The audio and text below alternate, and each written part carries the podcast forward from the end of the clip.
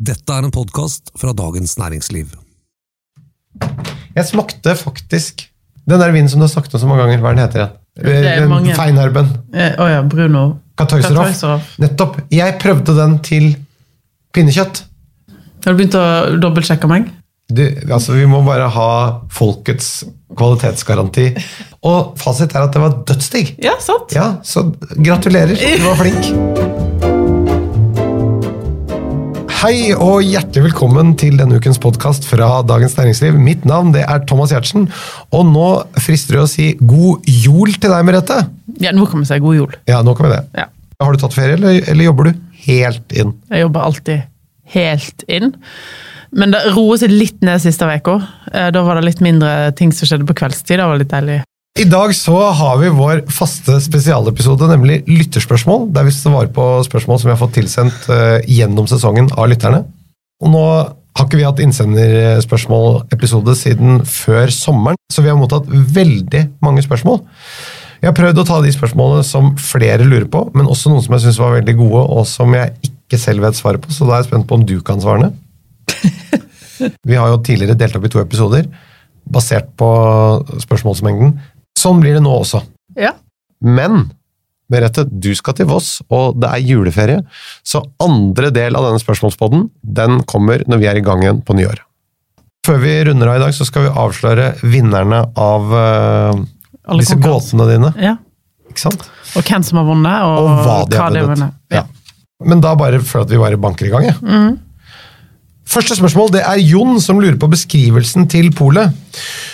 Under flaskene på Vinmonopolet er det en etikett som beskriver vinen i mer eller mindre blomstrende ordelag. Hvem skriver dette, og er de til å stole på? Man kan få inntrykk av at alt er kjempebra. Eh, burde ikke være mer klart hvem som er avsender? Hilsen Jon.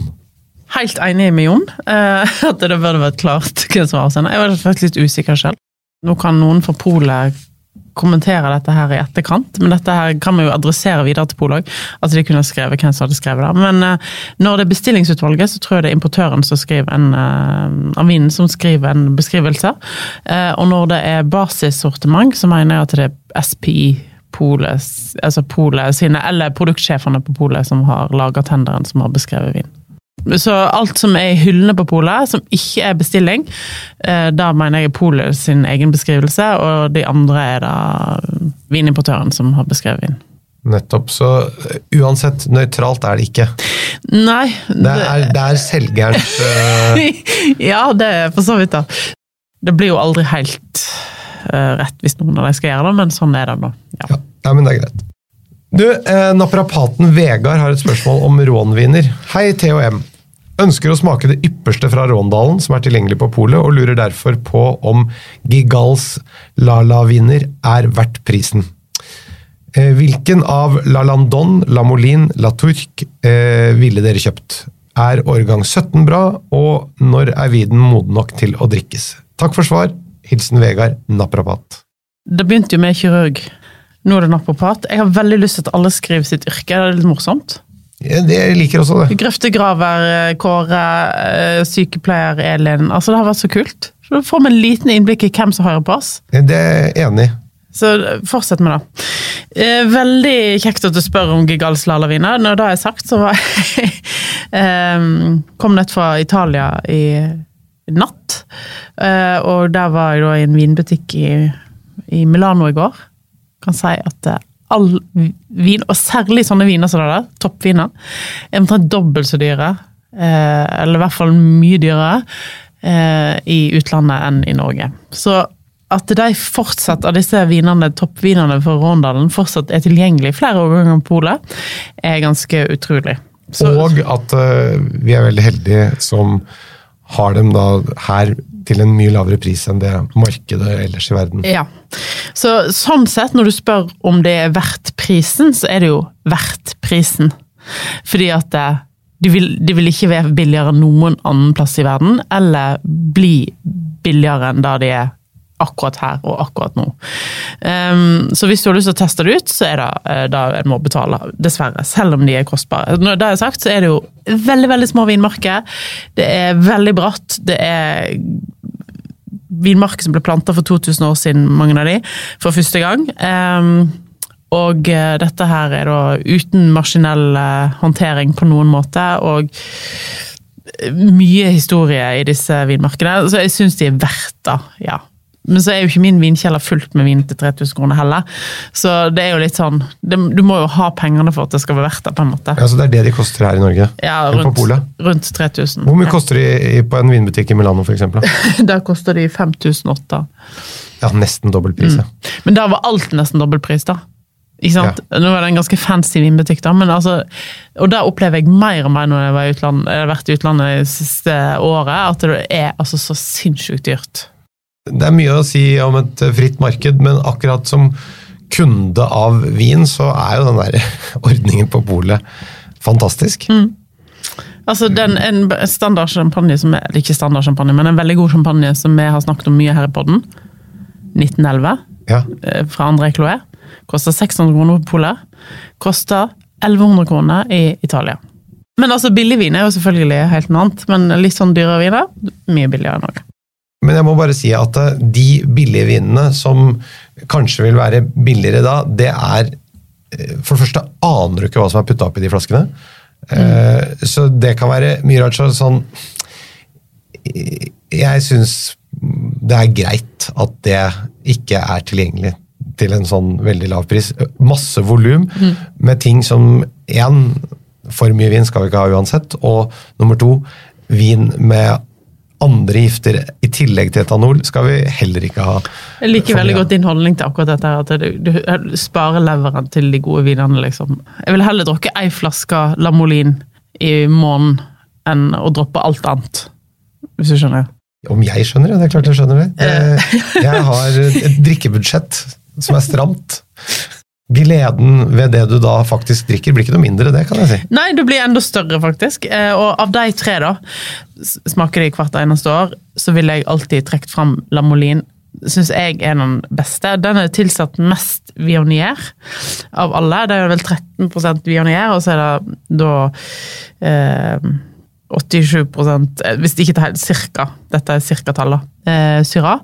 Og så er det, eh, har jeg La Landon på andreplass. Den er 100 syra, og så er det La Tørk som er da eh, 5 Vionier eller noe sånt. Eh, Og jeg syns alltid Lamolin er den mest eh, den flotteste av dem. Det er den som trenger minst alder òg, i kjelleren, men den trenger sånn fort 10-15 år helst, da. I hvert fall 10 år, ville jeg sagt. Minst. Ever catch yourself eating the same flavorless dinner three days in a row? Dreaming of something better? Well, HelloFresh is your guilt-free dream come true, baby. It's me, Kiki Palmer. Let's wake up those taste buds with hot, juicy pecan-crusted chicken or garlic butter shrimp scampi. Mm. Hello Fresh. Stop dreaming of all the delicious possibilities and dig in at HelloFresh.com. Let's get this dinner party started.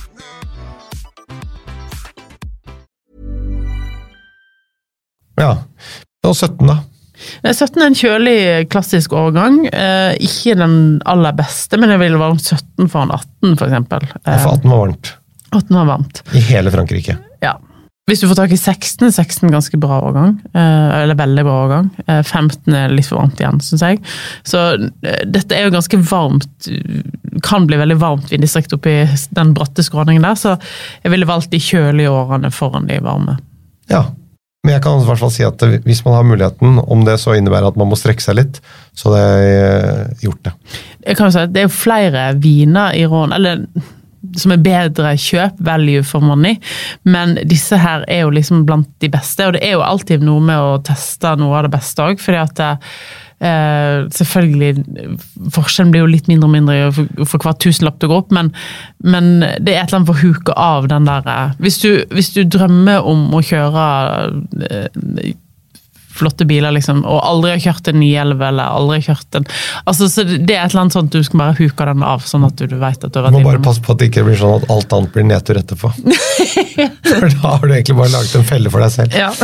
Det handler om å forberede mm, psyken sin, Vegard, men det, det ordner du naprapaten selv. En som kaller seg Den gamle smaksløken, har et spørsmål om Bordeaux.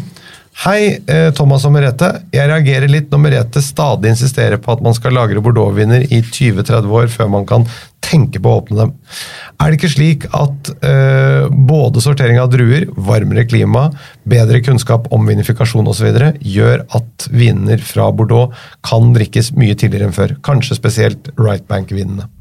Det er spørsmålstegn hele veien her, uh, så det er en ydmykhet hos den gamle smaksløken. Må det være blyant, skogbunn og buljong for å gi en god smaksopplevelse? Ydmyk spørsmålstegn igjen fra gamle smaksløken.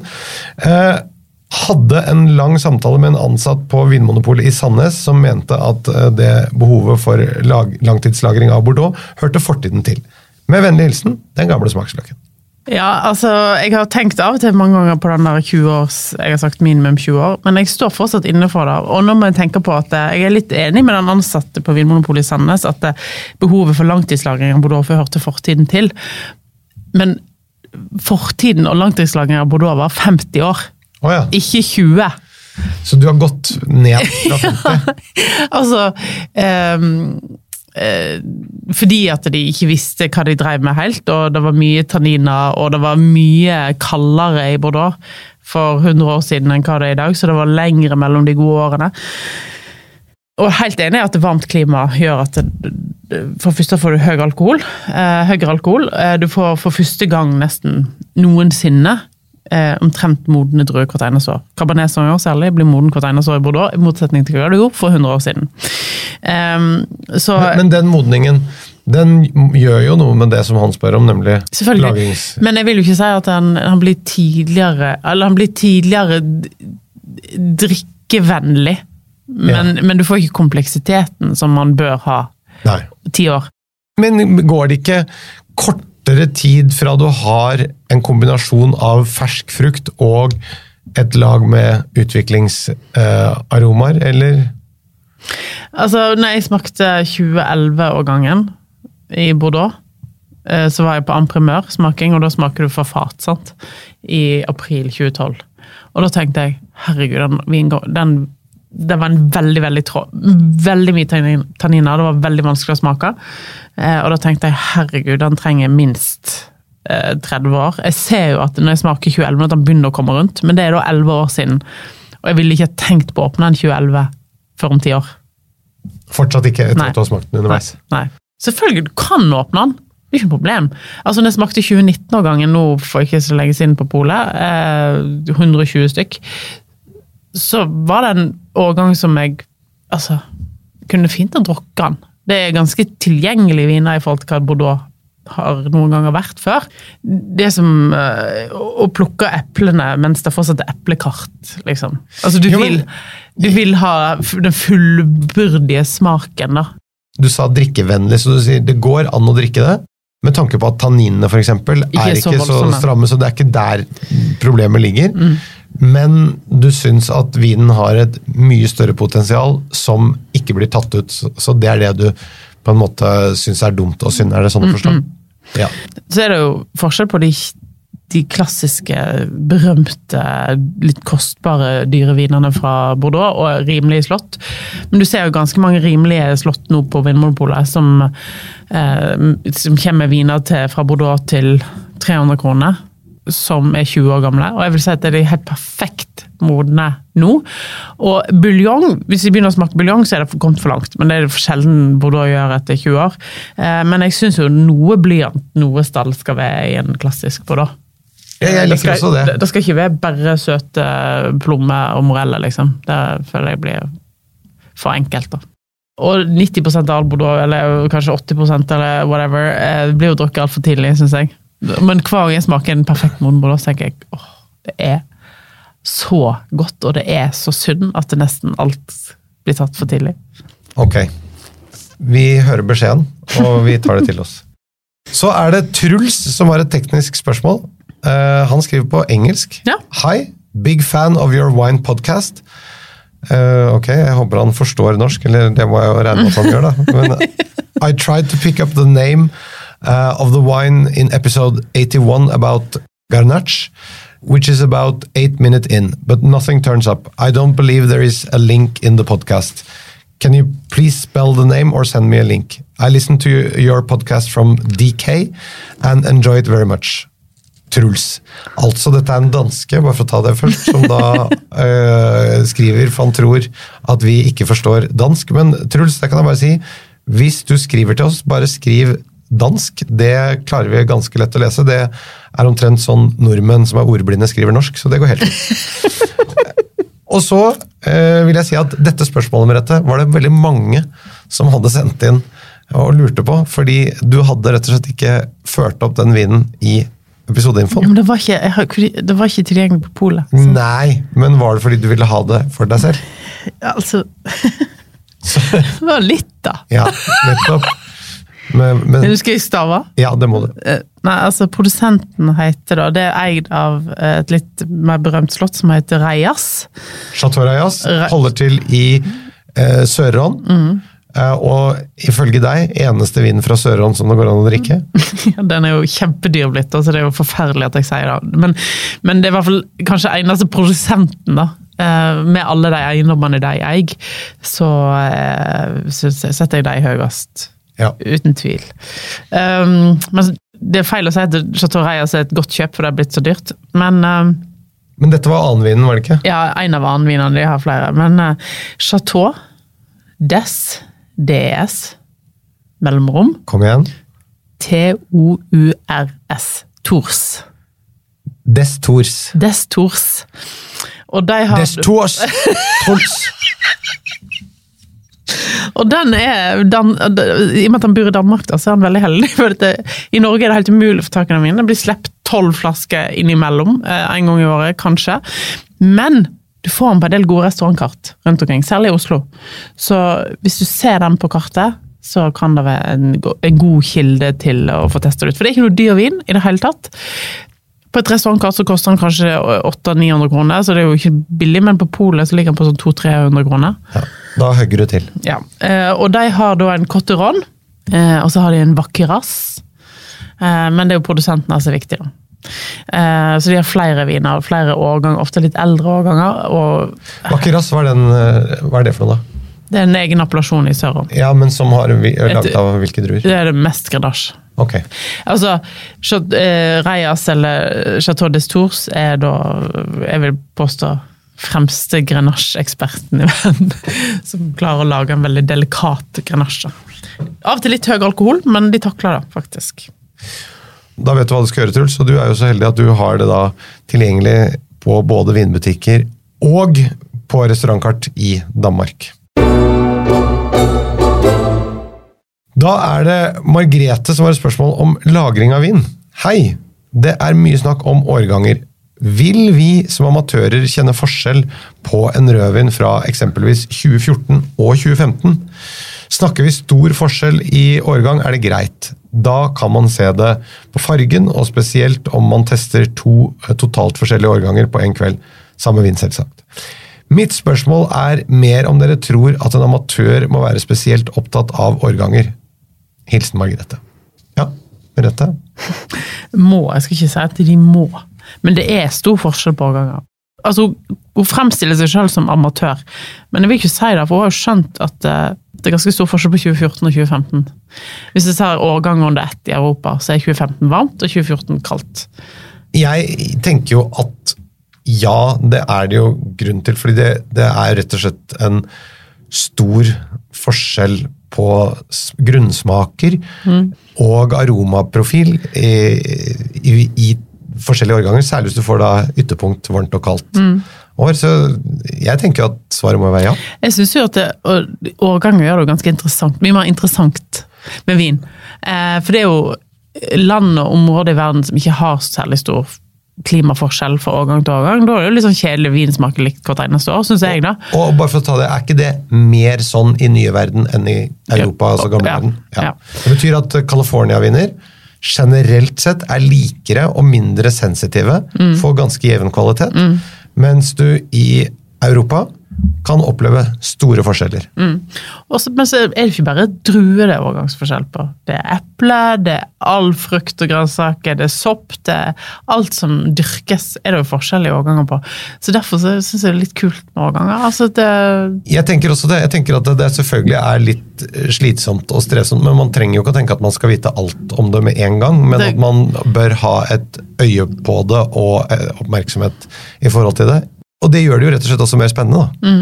det er jo ikke sånn at eh, med, med vår generasjon er jo utstyrt med noe som heter Google. Det hadde ikke de før i gamle dager. Nei, Så jeg tror Det er ikke det sto- det står ikke stor så mye om årgangen store norske leksikon. Uh, Så det er jo eh, Vi kan jo bare google oss til alt. Uh, så flott. Takk for det.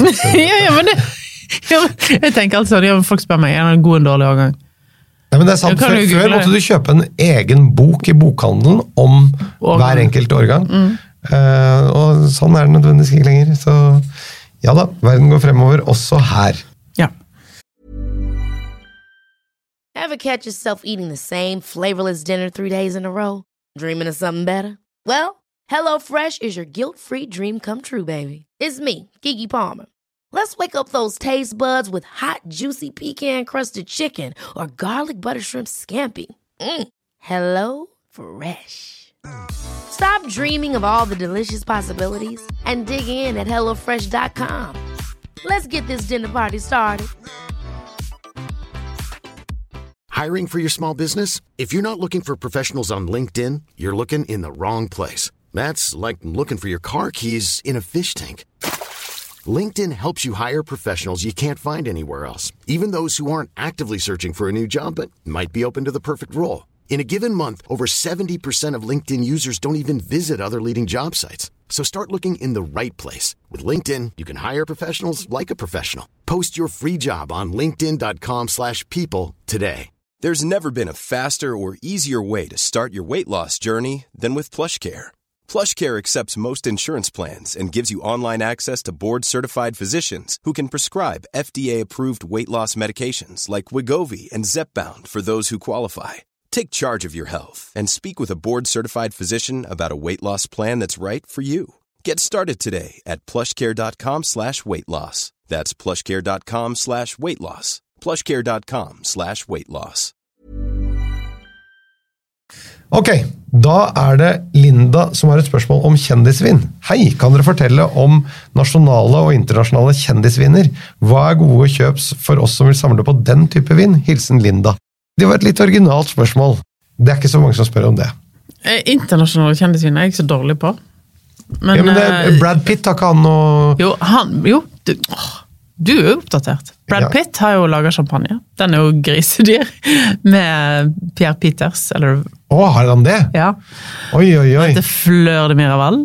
Han hadde jo et eh, slott sammen med ekskona Angelina Jolie, som heter Miraval, i eh, Rån. Som de også lagde rosévin fra. Ja.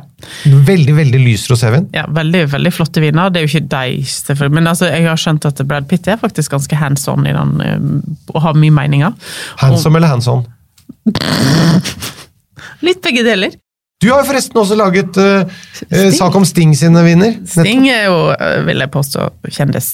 Det, det kvalifiserer. Men han er jo mer Eller han lager jo ikke vin selv, han har ansatt folk til å gjøre den jobben, men han uh, har jo litt meninger, og selv om jeg vet at han kjøpte ikke den vingården for det var druer han visste ikke at det var druer der engang, okay. når de kjøpte den. Uh, og så sa han da, på, da tenkte jeg fint, for han var litt sånn beskjeden i begynnelsen da jeg snakket med han. Ja. Og så sa han eh, eh, Så spurte jeg liksom Ja, men eh, når du skjønte at det var druer der, da, hva, hvordan gikk det fram da? Nei, De ansatte en som var veldig god på biodynamisk dyrking, og kona Trudy var veldig opptatt av dette her. Og så sa jeg dette tar veldig mye tid å restaurere den vinmarken her, for dette det er veldig den er i veldig dårlig forfatning. Ja. Og så sier Sting It's okay because we are rich. Sa han det? Ordrett. Og så sier jeg Og så tenkte jeg oi! Å, takk! Kult! Endelig noe kult! Så, så, så, for han var så politisk korrekt lenge.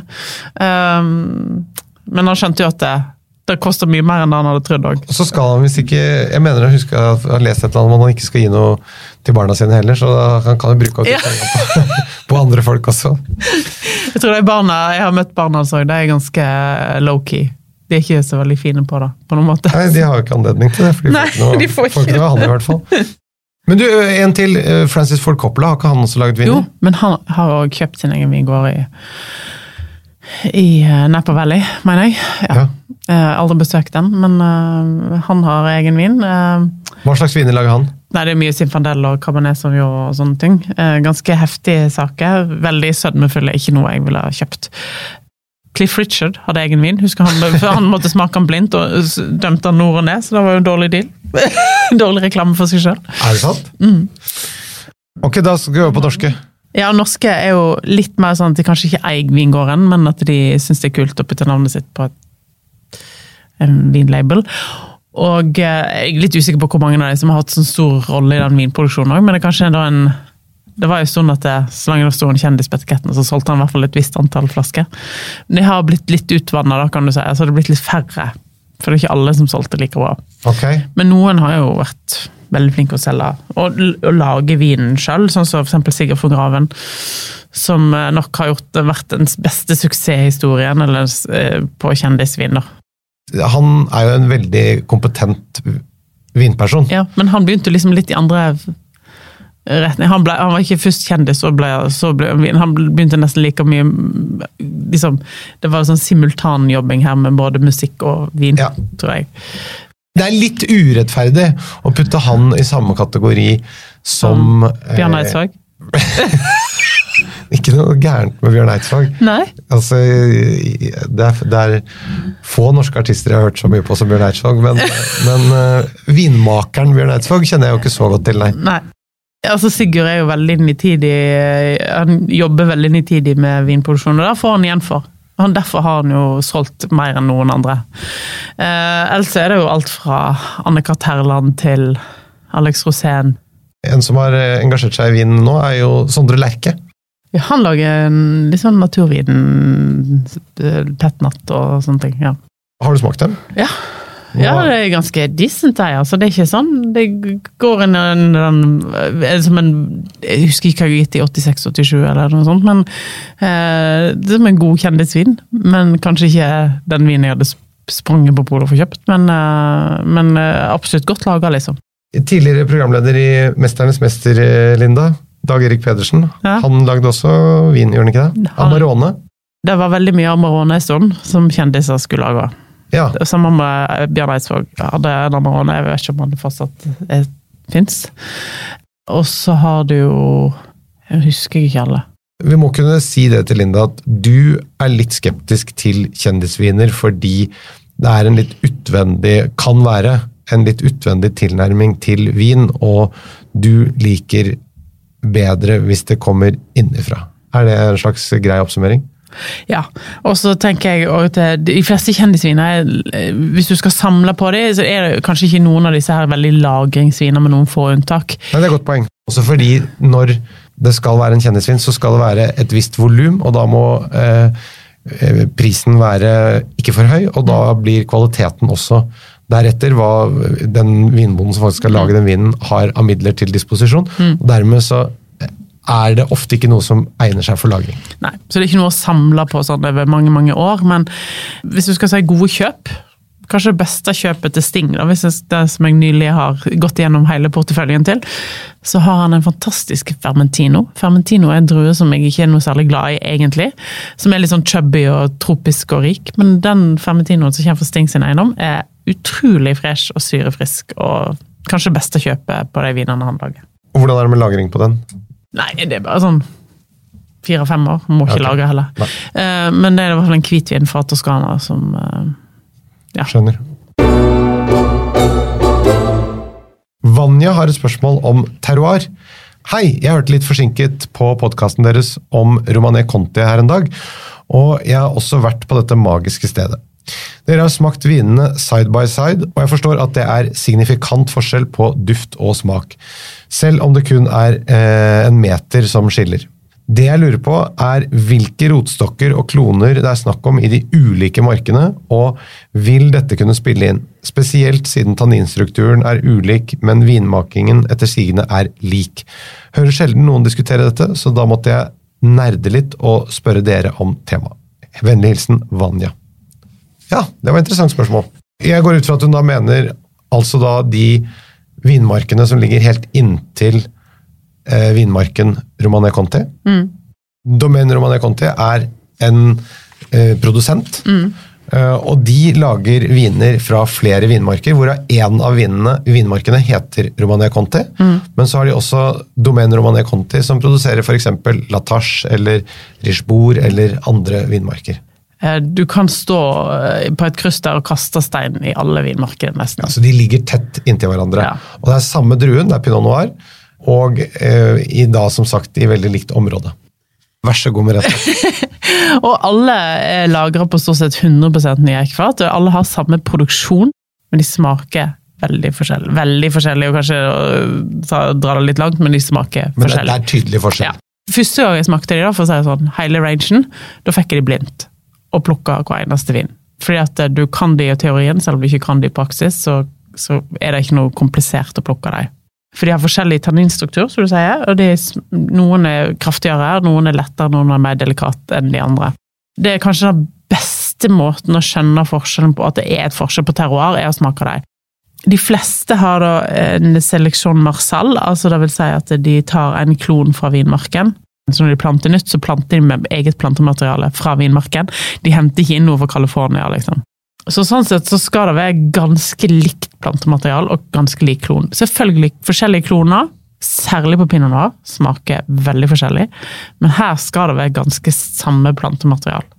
Eh, selvfølgelig litt forskjell på alder, men summa summarum i de forskjellige vinmarkene, for jeg vet Romane Conti når de planter nytt, så bruker ikke de vindruene i, de forskjell- i disse vinene før de er blitt 25 år. Plantene er blitt 25 år. Nei, så, så da må de bare gå eventuelt som de selger jusen De fra dem? selger jusen, eller så, eh, så går de den ene som de heter Von Romané Premier Cru Duvalt Blochet. Ja, som de har en egen cuvée kuvé som de da henter fra Grand Cru-marker og deklassifiserer til Premier Mm. Ja, Cru-viner. for det kan du gjøre. Ja.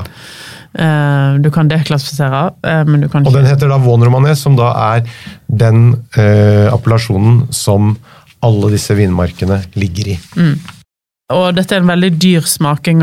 altså Jeg kan ikke si at folk bør gjøre det, men den kanskje mest interessante smakingen. Men du kan jo finne et annet domen, en annen produsent, og smake fra forskjellige marker som antageligvis da har lik vinifikasjon på Det er ikke mange som har så mye markedslik så tett.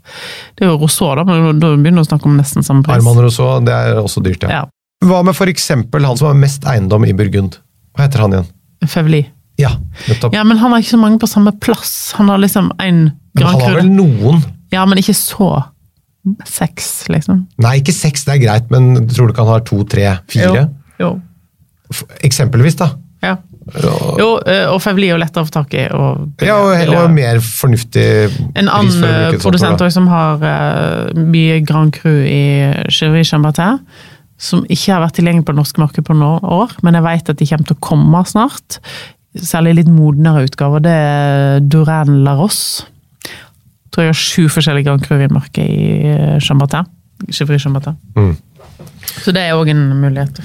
Så svaret ditt er at ja, det spiller en stor rolle, bare for å øke kompleksiteten i tematikken, så er det jo også sånn da, at uh, og gjærkultur, som vi har snakket om tidligere, vel også spiller en veldig stor rolle når det gjelder hva vinen, altså på aromaene.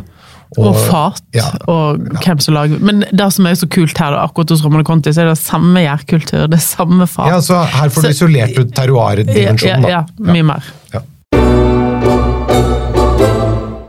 Da er det spørsmål fra Nord-Norge. Hei, mine venner som ikke vet vi er venner. Eh, Når jeg lager mat, eh, eksempel eh, steker en digg biff, damper noe deilig fisk, eller hiver en kylling i ovnen, så lurer jeg på hvilke grønnsaker jeg kan ha til uten å fucke opp kombinasjonen mat og vin. Har dere noen bankers grønnsaker som ikke kludrer det til? Sleng gjerne med en no go-liste også. Hilsen deres fans fra langt nord, Alta. Det var hyggelig. Det var hyggelig. Ja, Merete. Her kan du svare òg. Ja, men du kan Det er, det er du som er oraklet. Du, til biff Det beste grønnsaken jeg vet til biff, som jeg føler ikke kludrer til noen ting som helst, det er brekkbønner. Ja, arikover på fransk. Arikover, det høres mye finere ut. Fisk, grønnsak til fisk. Jeg er veldig glad i uh, gulrøtter. Syns det er helt fantastisk undervurdert grønnsak. Som ofte fungerer ganske godt. Ikke an på hva du gjør med den, men uh, med deig. Ja. Jeg syns jo grillet kål er veldig godt. da. Det er, Ja. ikke, det er ikke uproblematisk nødvendigvis, men det er godt. Jeg er helt enig. Kål i alle mulige Enten det er spisskål eller hodekål eller rødkål eller er undervurdert, som vi bruker det for lite. Og det er billig. Men hva vil du tenke på i forhold til vinen der, da? Nei, så lenge du varmebehandler Ofte sånn ferske ting er ganske vanskelig. Altså Ferske gulrøtter er vanskeligere enn dampa eller kokte. Og kål Du får noe sånn stikking på tungen hvis du får kål, eh, blomkål også fersk, Ja, ja. ikke varmebehandlet. Da blir det stikkete, og Ja. det kommer til å bli problemet med vinen. Men kål, da tenker jeg alltid litt Ikke så mye tanniner i vinen. Helst liksom moden frukt. Ikke så lett å få tak i, men uh, uansett. Uh, litt moden pinot, eksempel, hvis du har kjøtt til, eller kylling. Um, fisk. Litt moden chardonnay til kål. Litt sånn smørdamper. Jeg pleier alltid legge kålen i litt sånn bit, altså sånn der eh, kakestykke Ja, eh, i ei panne med bitte litt vann. Og så tar jeg noen eh, ostehøvler med smør på toppen. Tar på lokk. Fem minutter. Bender du ostehøvelen sånn at du får litt Nei, nei, nei, jeg vil heller ha flere tynne. Ja. Du bender ikke. Nei. For å ta noe som kan være litt vrient, da. Eh, rosenkål. Ja, den kan være litt vrien, og eh, selv om jeg elsker rosenkål. Jeg syns det er dødsdigg. Men varmebehandling gjør mye, da. Tomat. Du skal ha den tomaten på, bare for at den skal være litt sånn rødt element på tallerkenen for at det skal se fint ut. Det, sånne ting gjør det litt vanskelig med vin. Problemet med tomat. Ja, litt mye umami og litt mye syre som, og en sødme der som gjør at hvis det blir for mye tomater, så må du tenke litt annerledes når det gjelder vin. da. Ikke ha mange grønnsaker. Bruk én grønnsak. Fokuser på den. Ja. Og i tillegg til det du sa der nå, varmebehandling. Det er egentlig svaret, da. Og så liker jeg tre ting på tallerkenen. Altså, tre ting er ofte det beste. Ikke ha åtte ting. Nei, men det, det er litt Da- Da blir det ofte veldig mange Mye skal gå galt, og ingenting blir skikkelig bra. Alt blir sånn halvveis. Selv om en prøver veldig med sånn der garnityr som tar veldig mye tid. Ok, men du, da har vi kommet frem til ehm, avsløringen av disse godtene dine, Merete. Ja. Vi hadde da episode om Cabernet Franc, som vi valgte å si her. Eh, Cabernet Franc. Og riktig svar, det var Chenin Blanc. Og vinneren som da får en bok Inside Burgundy, det er Mats Silde. Så gratulerer, Mats. Den tror jeg du blir ganske fornøyd med. ja, for det var den du hadde lyst på. Den, hvem har ikke lyst på den?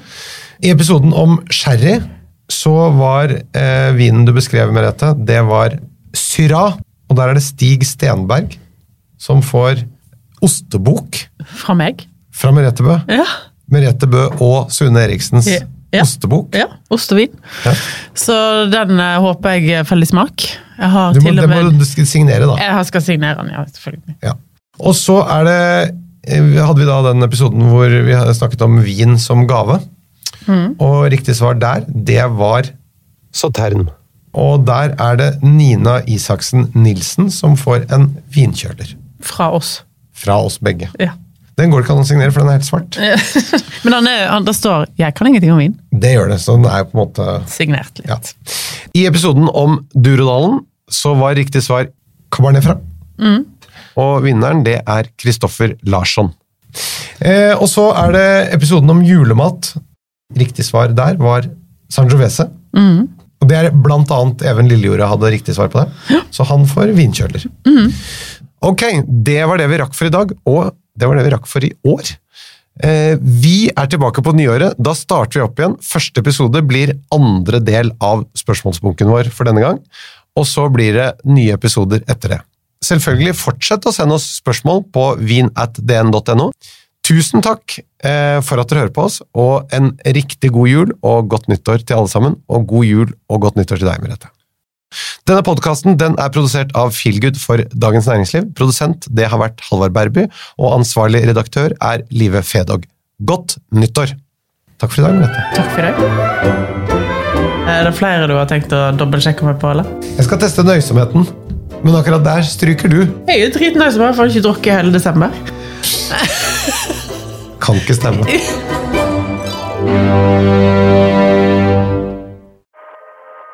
Grunnen til at eh, jeg ringer deg nå, det er at vi er bekymra for hvordan du har det.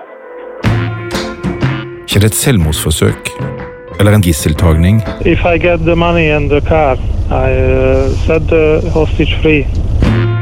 gjør politiets krise- og gisselforhandlere alt i sin makt for å hindre at mennesker skal dø. Hør podkasten 'Forhandlinger på liv og død' fra Dagens Næringsliv. Hi, I'm Daniel, founder of Pretty Litter. Did you know cats tend to hide symptoms of sickness and pain? I learned this the hard way after losing my cat, Gingy. So I created Pretty Litter, a health monitoring litter that helps detect early signs of illness by changing colors, saving you money and potentially your cat's life. Pretty Litter is veterinarian developed, and it's the easiest way to keep tabs on your fur baby's health right at home. Go to prettylitter.com and use code ACAST for 20% off your first order and a free cat toy. Terms and conditions apply. See site for details. Hold up. What was that? Boring. No flavor. That was as bad as those leftovers you ate all week. Kiki Palmer here, and it's time to say hello to something fresh and guilt-free. Hello Fresh. Jazz up dinner with pecan-crusted chicken or garlic butter shrimp scampi. Now that's music to my mouth. Hello Fresh. Let's get this dinner party started. Discover all the delicious possibilities at hellofresh.com. Planning for your next trip? Elevate your travel style with Quince. Quince has all the jet setting essentials you'll want for your next getaway, like European linen, premium luggage options, buttery soft Italian leather bags, and so much more. And is all priced at 50 to 80% less than similar brands. Plus, Quince only works with factories that use safe and ethical manufacturing practices. Pack your bags with high-quality essentials you'll be wearing for vacations to come with Quince. Go to quince.com slash pack for free shipping and 365-day returns. Du har nå hørt en podkast fra Dagens Næringsliv.